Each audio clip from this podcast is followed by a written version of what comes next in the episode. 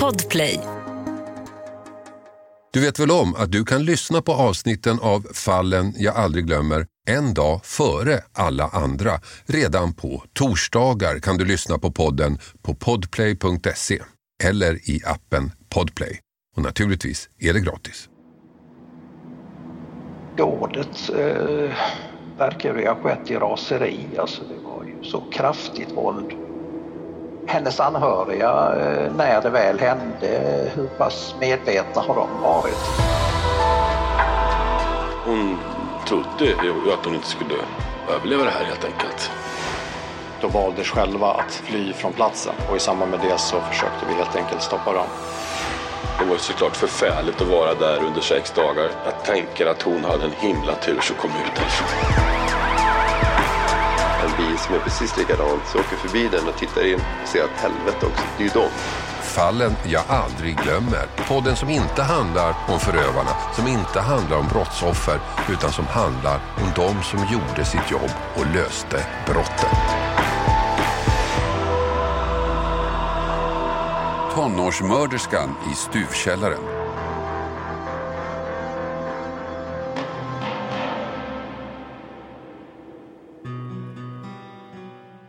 Det såg ut att bli en snabb utredning. Alla bitar som polisens utredare fann på brottsplatsen, vittnen, blodspår, fotspår, övervakningsbilder, DNA.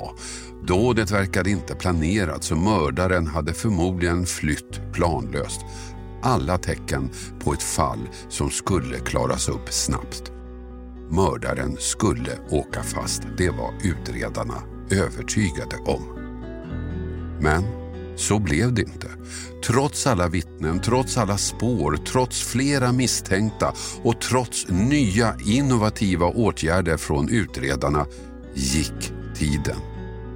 Månader blev till år, år las till år, inget hände. Och sen, bara så där, var allt klart av en slump. 18 år senare, helt bisarrt. Jag pratar om mordet på Marie Johansson i Göteborg i oktober 2005. Ett fall som väckte väldigt stor uppmärksamhet. Ett fall som återkom i löpsedlarna år efter år. Varje gång med en ny glimma hopp om en lösning. 2005 så var jag rotelchef på den så kallade spaningsroten i Göteborg vid länskriminalpolisen i Göteborg. Och var väl initialt den som ledde utredningen. Det är på kvällen den 13 oktober 2005. Sven Albin, som alltså är chef på spaningsroten på polisen i Göteborg, får ett samtal från ledningscentralen dit ett larm kommit in. Jag fick telefon ifrån ledningscentralen om att man hade hittat en död kvinna i en butik på Kyrkogatan i Göteborg. Så jag eh, åkte dit tillsammans med några andra. Och vad fick du se där? Jag såg inte så mycket initialt sett eftersom vi hade, det var redan avspärrat och, och eh, vi valde ju att inte gå in då förrän teknikerna hade gjort sitt arbete. Men eh, rapporterna var ju att det var en kvinna som låg där inne och eh, med väldigt mycket blod och, och eh, död som sagt. Den som var död var 36-åriga Marie Johansson. Hennes kropp låg badandes i blod i ett bakrum på den sybehörsaffär där hon jobbade. Stuvkällaren som låg på Kyrkogatan i centrala Göteborg.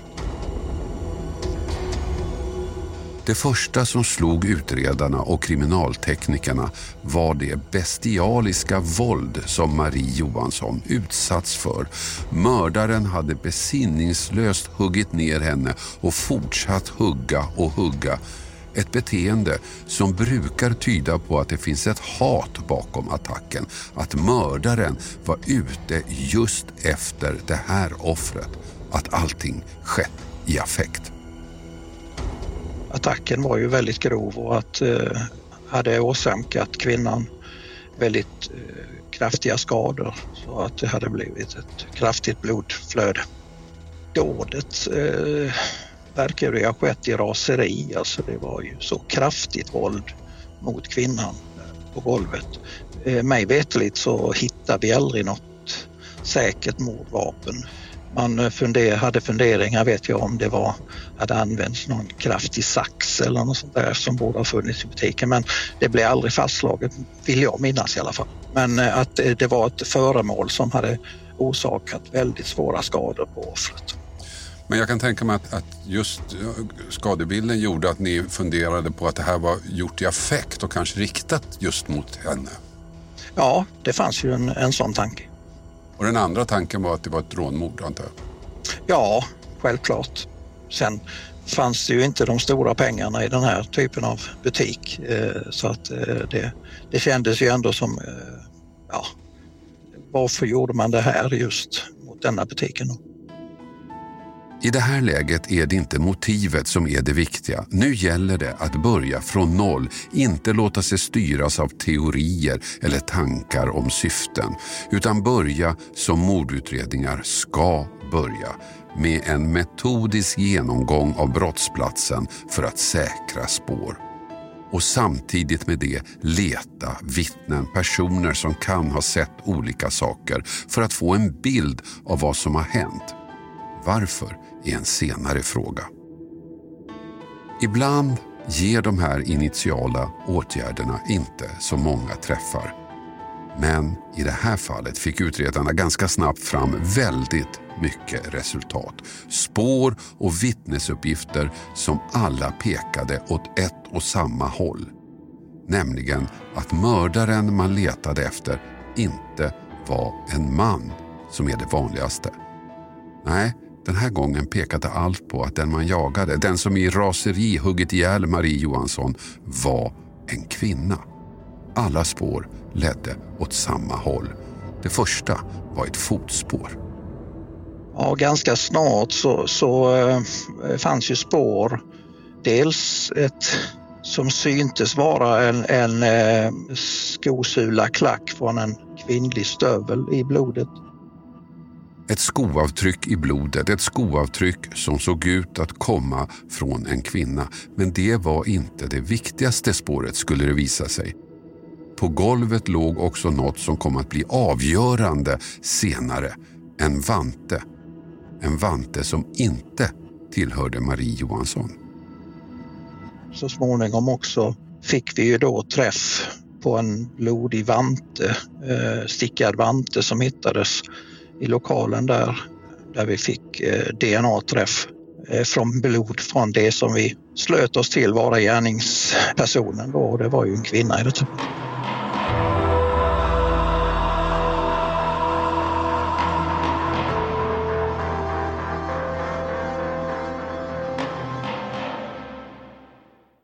Den här veckan har vi ett betalt samarbete med Tre, ni vet teleoperatören. Den jag själv har faktiskt och är väldigt nöjd med. Men det är många som tror att Tre inte har särskilt hög täckningsgrad, vilket är fel.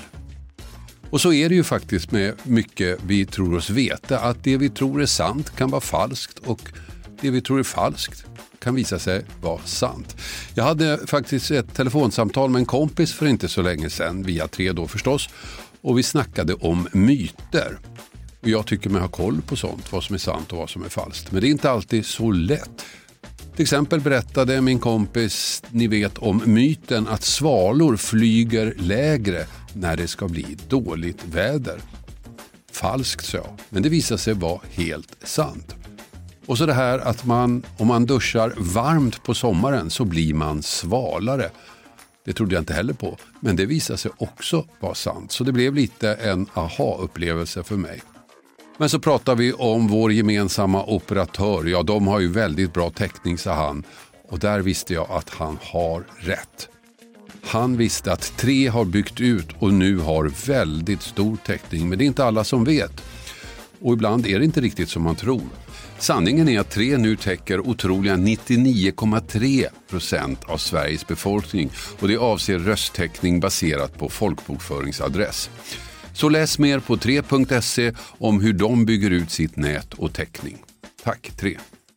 Den här veckan har vi ett betalt samarbete med Hello Fresh, världens ledande leverantör av matkassar hem till dig.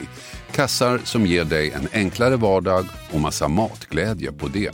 Nu kan du som lyssnar få extra bra pris. Med koden FRESHFALLEN kan du få upp till 1359 kronors rabatt. Jag har testat flera matkassar och det är två saker som jag tycker gör Hello Fresh extra bra.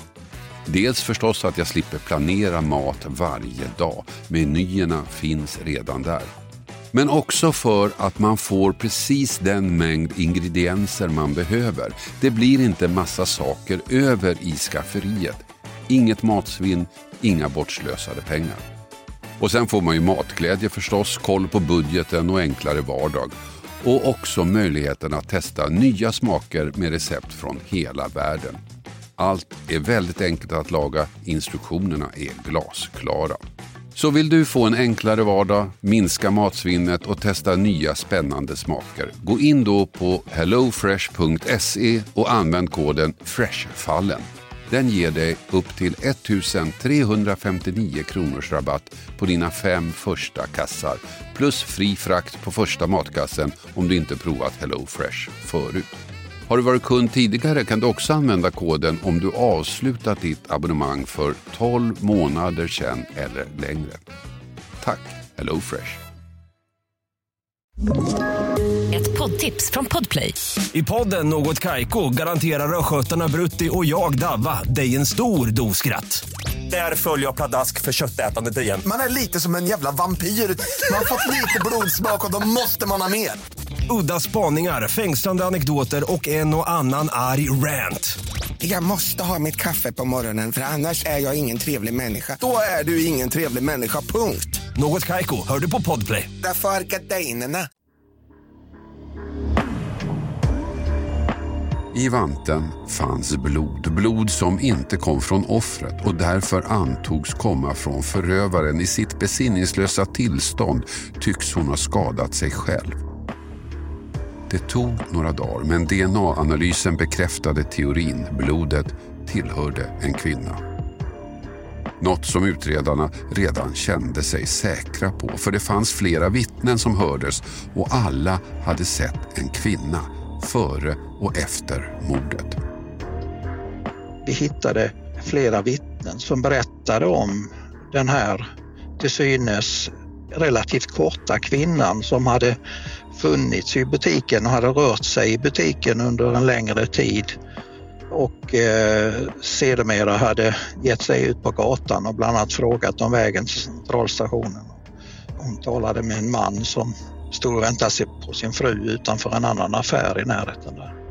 Vi var ju ganska tidigt klara med att det här var en kvinna och eh, alla var väl överens om egentligen i det läget att det här ska vi kunna lösa ganska snabbt med tanke på all den, den eh, dokumentationen vi trots allt hade om den här kvinnan. Vittnena hade sett en kvinna röra sig i centrum före mordet. En kvinna som med kupade händer kikat in genom sybehörsaffärens skyltfönster. En kvinna som gått in och befunnit sig i butiken väldigt länge. En kvinna som gått från platsen efter mordet. En kvinna som frågat efter vägen till centralstationen. Och alla hade gett samma signalement.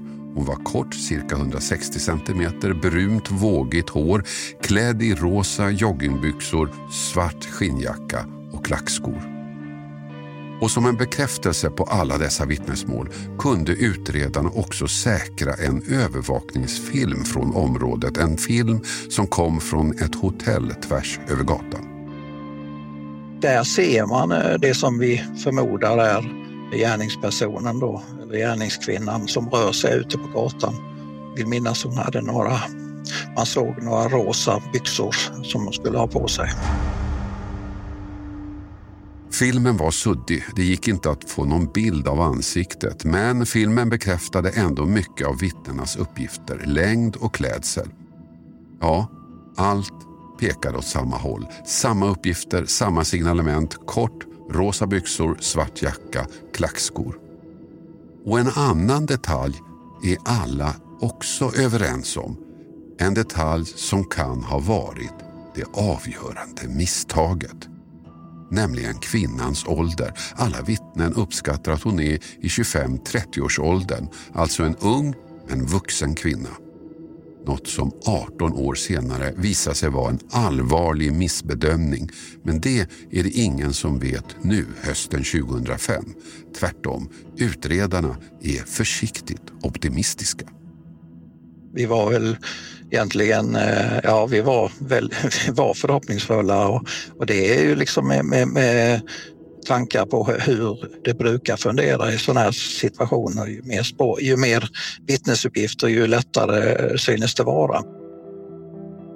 En vecka efter mordet så väljer Sven Albin att gå ut i Efterlyst. Men det var väl just att, att försöka nå utanför Göteborg och, och, och just med signalementet en ganska kort kvinna som då med en ja, en rel relativt hyfsad eh, eh, signalement ska jag säga, som vi hoppades då skulle ge resultat. Med tanke på att hon eventuellt skulle ha tagit sig från plats, alltså från Göteborg om hon inte var hemmahörande i Göteborg, att hon hade åkt tåg eftersom hon frågat centralstation. Jakten fortsätter efter kvinnan med rosa byxor som tros vara rånmördaren i Göteborg. 36-åriga Marie Johansson hittades i fredags mördad i den butik hon arbetade i. Och flera vittnen har sett en kvinna med rosa byxor lämna butiken vid tiden för mordet. Troligtvis så rör det sig om ett rånmord eftersom dagskassan var försvunnen. Polisen söker nu efter en kvinna som ska ha stått utanför affären vid tidpunkten för mordet på torsdagskvällen.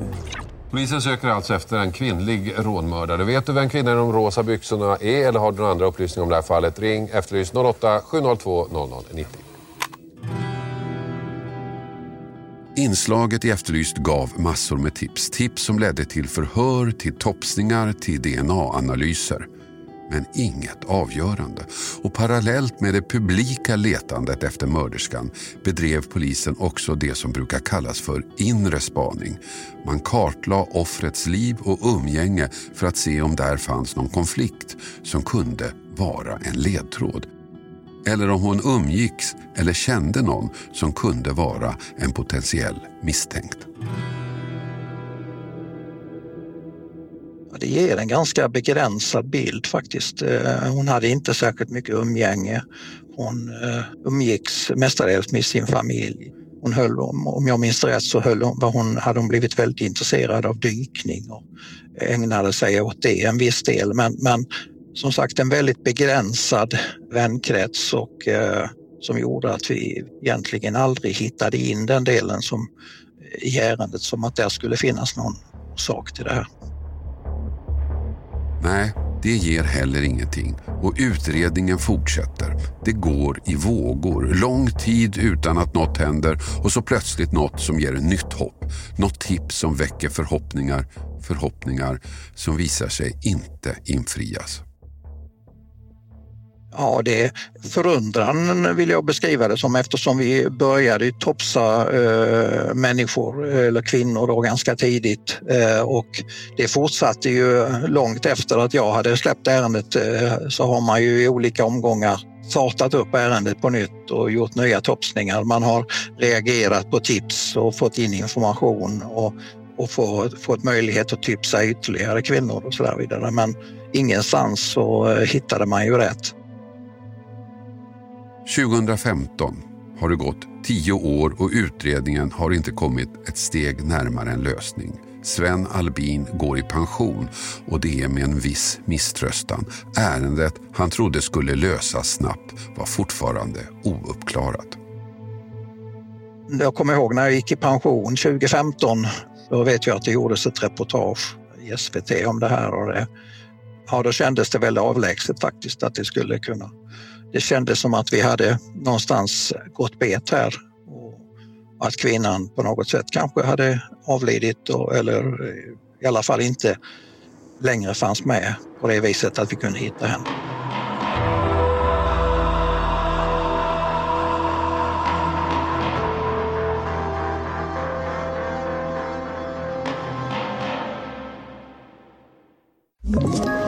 Ett poddtips från Podplay. I podden Något Kaiko garanterar östgötarna Brutti och jag, Davva, dig en stor dos skratt. Där följer jag pladask för köttätandet igen. Man är lite som en jävla vampyr. Man har fått lite blodsmak och då måste man ha mer. Udda spaningar, fängslande anekdoter och en och annan arg rant. Jag måste ha mitt kaffe på morgonen för annars är jag ingen trevlig människa. Då är du ingen trevlig människa, punkt. Något Kaiko, hör du på Podplay. Därför är Så småningom tas ärendet upp av Kalla fallgruppen i Göteborg. En grupp som visar sig framgångsrika när det gäller att lösa gamla fall. Det de har som är centralt är ju DNA-analysen och nu finns det teknik som inte fanns 2005. Teknik att utifrån ett DNA kunna ta fram en bild på personen i fråga. Så 2018 publicerades en fantombild baserad på DNA från brottsplatsen. En bild på en mörkhårig kvinna med bruna ögon. En bild som skulle kunna föreställa mörderskan. Sven Albin följde ärendet även om han gått i pension. Jag har ju kontakter och så där vidare så jag visste ju att man, man gjorde ju en, eh, i det fallet också en fantombild. Eh, skapades ju och eh, den visade ju då utifrån eh, ja, en, en, liksom en fiktiv ålders en uppfattning. Då. Men den gav ju inte heller något resultat kan man säga. Det kom in massa tips, det vet jag. Ja, det gjorde det absolut. Och det har ju kommit in tips varenda gång man har gjort de här, eh, väckt upp ärendet igen. Och kollegorna som har jobbat med det har ju hela tiden haft en, en förhoppning om att nu äntligen, men det har ju tyvärr blivit en besvikelse varje gång. Det var en mycket specifik bild som visades upp och det kom in massor med tips. Själv fick jag kontakt med en person som skickade mig en bild på en kvinna i hans umgängeskrets. En kvinna förbluffande lik fantombilden. Jag vidarebefordrade den till utredningsgruppen i Göteborg och efter en tid fick jag besked. Nej, det var inte hon heller. På fantombilden uppgavs kvinnan vara upp till 50 år gammal nu i nutid, vilket gör att hon var 25-30 när mordet begicks. Och det är ju den ålder utredarna hela tiden utgått ifrån. I hela arbetet har man väl jobbat med en tänkt ålder kring ja, omkring 30 år, alltså 25-30 år. Det, vi har ju aldrig varit i närheten mig veteligt den åldersspannet som det visar sig ha varit nu så småningom. Och åldern på kvinnan kom ju från alla de vittnen som sett henne. De som såg henne utanför butiken före mordet. De som såg henne gå och vanka väldigt länge inne i butiken och de som såg henne gå därifrån. Mannen som hon frågade om vägen till centralstationen. Alla var överens. Kvinnan de sett var mellan 25 och 30. Men skulle det visa sig, det var fel. För när allt verkade hopplöst, när inga av tusentals tips och spår lett fram, när utredningsgruppen fått nej på att göra en släktsökning i DNA-register för att försöka få en träff, när utredarna börjat förlika sig med tanken på att fallet aldrig skulle klaras upp, ja då händer någonting helt otroligt, för att inte säga helt bisarrt. För i slutet av förra året tyckte personalen på Ikea i Bäckebål i Göteborg att en av kunderna uppträdde skumt i självskanningen på varuhuset. De gick fram till henne och gick igenom hennes saker. Och det visade sig att hon inte skannat varor för närmare 2000 kronor. Så polisen kallades till platsen, kvinnan greps och fördes till polisstationen. Och där på polisstationen fattas beslutet. Beslutet som kom att skaka om hela Sverige. Kvinnan topsas. Hennes salivprov skickas till Nationellt forensiskt centrum, NFC, för att analyseras. För att ta fram en DNA-profil och jämföra med polisens register. Det tar sin tid. Hon är ju bara misstänkt för butiksstöld. Inget högprioriterat ärende direkt. Men i februari i år kom resultatet, eller chocken kan man säga. Butikstjuven på Ikea visade sig vara mörderskan i sybehörsaffären 2005 och då var hon bara 17 år. Och det visade sig bli ett problem. För mord preskriberas inte i Sverige till skillnad från andra brott. Har du mördat någon kan du när som helst bli åtalad och ställd till svars för det oavsett hur lång tid det gått. Fast på ett villkor, att du var vuxen när du utförde gärningen. Och det var ju inte den här kvinnan. Hon var under 20 och då blir brottet preskriberat efter 15 år. Och hon åkte fast efter 17 och ett halvt. För Sven Albin var beskedet omtumlande. Dels att mörderskan hittats, men också det faktum att hon inte kunde åtalas. Och i allt detta försöker han ändå hitta något positivt. Jag blev uppringd eh, någon dag efter det här. Jag hörde det först via media men sen blev jag också uppringd av nuvarande chefen för regionala utredningsenheten Erik Nord som ringde och berättade om det. Just med tanke på att vi hade jobbat så mycket med det. Hur reagerade du då? Nej, jag blev ju naturligtvis eh, häpen. Jag trodde att det var kört. Men jag blev, samtidigt så blev jag ju glad för att man trots omständigheterna nu, för det kom ju fram ganska snabbt att kvinnan i fråga var eh, bara 17 år när det hände och var därför inte var det preskriberat. Och det, det, var ju, det, det kändes ju naturligtvis eh, en besvikelse i det men, men samtidigt så tycker jag ändå att det är skönt att brottet trots allt har fått en gärningsperson. Eh, även om hon inte kommer att bli dömd för det här så, så är det ju trots allt eh, ett avslut på ett sätt. Och jag hoppas naturligtvis att föräldrar eh, och anhöriga i övrigt eh, så småningom ändå ska tycka att det, är, att det trots allt är bättre än att det ska vara ovisst. Eh, då. Även om de naturligtvis vill ha svar på sina frågor. Jag är fullständigt medveten om det. Nu vet vi vem mörderskan var. En höggravid tonåring som lyckats hålla sig undan i så många år. Men Sven Albin tror inte att hon klarat det själv. Det måste funnits folk i hennes närhet som visste, eller i alla fall anade, vad som hänt. Sen kan man ju fundera över om det trots allt så har, alltså hennes anhöriga, eh, när det väl hände, hur pass medvetna har de varit om att hon måste ju ha haft, varit väldigt blodig? Och hade ju, om jag minns rätt, eh, fanns väl uppgifter att hon hade tagit något stycke tyg inifrån butiken och eh, hängt över sig, hängt kring eh, livet på något sätt för att kanske täcka bort blod och sådär vidare. Så måste hon ju ändå ha haft en sån traumatisk händelse borde kunna på, liksom visa sig även med anhöriga och så där vidare. Men som sagt, det vet vi ju inte om vi får några svar. Men frågorna är många. Varför? Varför hände detta? Varför mördade tonåringen Marie Johansson? Fanns det någon koppling mellan de två? Frågor bara mörderskan kan svara på. Ja, och det, det är jag mycket eh, naturligtvis. Eh, de frågorna ställer sig säkert de som håller på att jobba med det. Man hoppas naturligtvis att man på något sätt ska kunna få svar så småningom genom att tala med kvinnan i fråga. För att någonstans så ställer, och nu kan jag inte, nu bara spekulerar jag eftersom jag kommer inte ihåg sammanhangen. Eh, alltså med denna kvinnan då i den åldern så finns det ju andra eh, undersökningar att göra gentemot var fanns det några knytningar till familjen och sådär på ett annat sätt då. Med skolor och allt sånt här. Men, men det, det är jag övertygad om att det jobbet görs eh, av de som fortfarande är inblandade i det. Ja, för även om kvinnan inte kan åtalas borde det finnas möjlighet att höra henne kan man tycka. Att fråga henne, att ge Marie Johanssons familj svar, för de har väl också rättigheter i det här. En kreativ åklagare kan väl komma på något sätt att komma en liten bit vidare, kan jag tycka. Men precis när jag sitter och jobbar med det här avsnittet så kommer beskedet. Jag får en nyhetsflash på min telefon. Klockan 12.51 måndagen den 17 mars.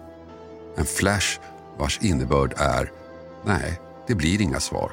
Nej, Marie Johanssons familj får ingen förklaring. Åklagaren lägger ner förundersökningen rörande mordet på en kvinna i en tygaffär i Göteborg 2005. Så står det på min telefon. Med andra ord, inga svar.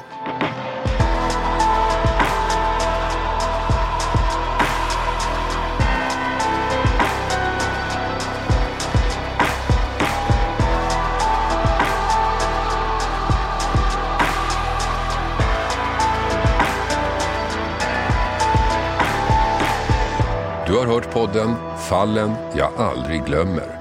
Klippning David Davva Persson. Och jag heter Hasse Aro. Du vet väl om att du kan lyssna på avsnitten av Fallen jag aldrig glömmer en dag före alla andra. Redan på torsdagar kan du lyssna på podden på podplay.se eller i appen Podplay. Och naturligtvis är det gratis. Podplay, en del av Power Media.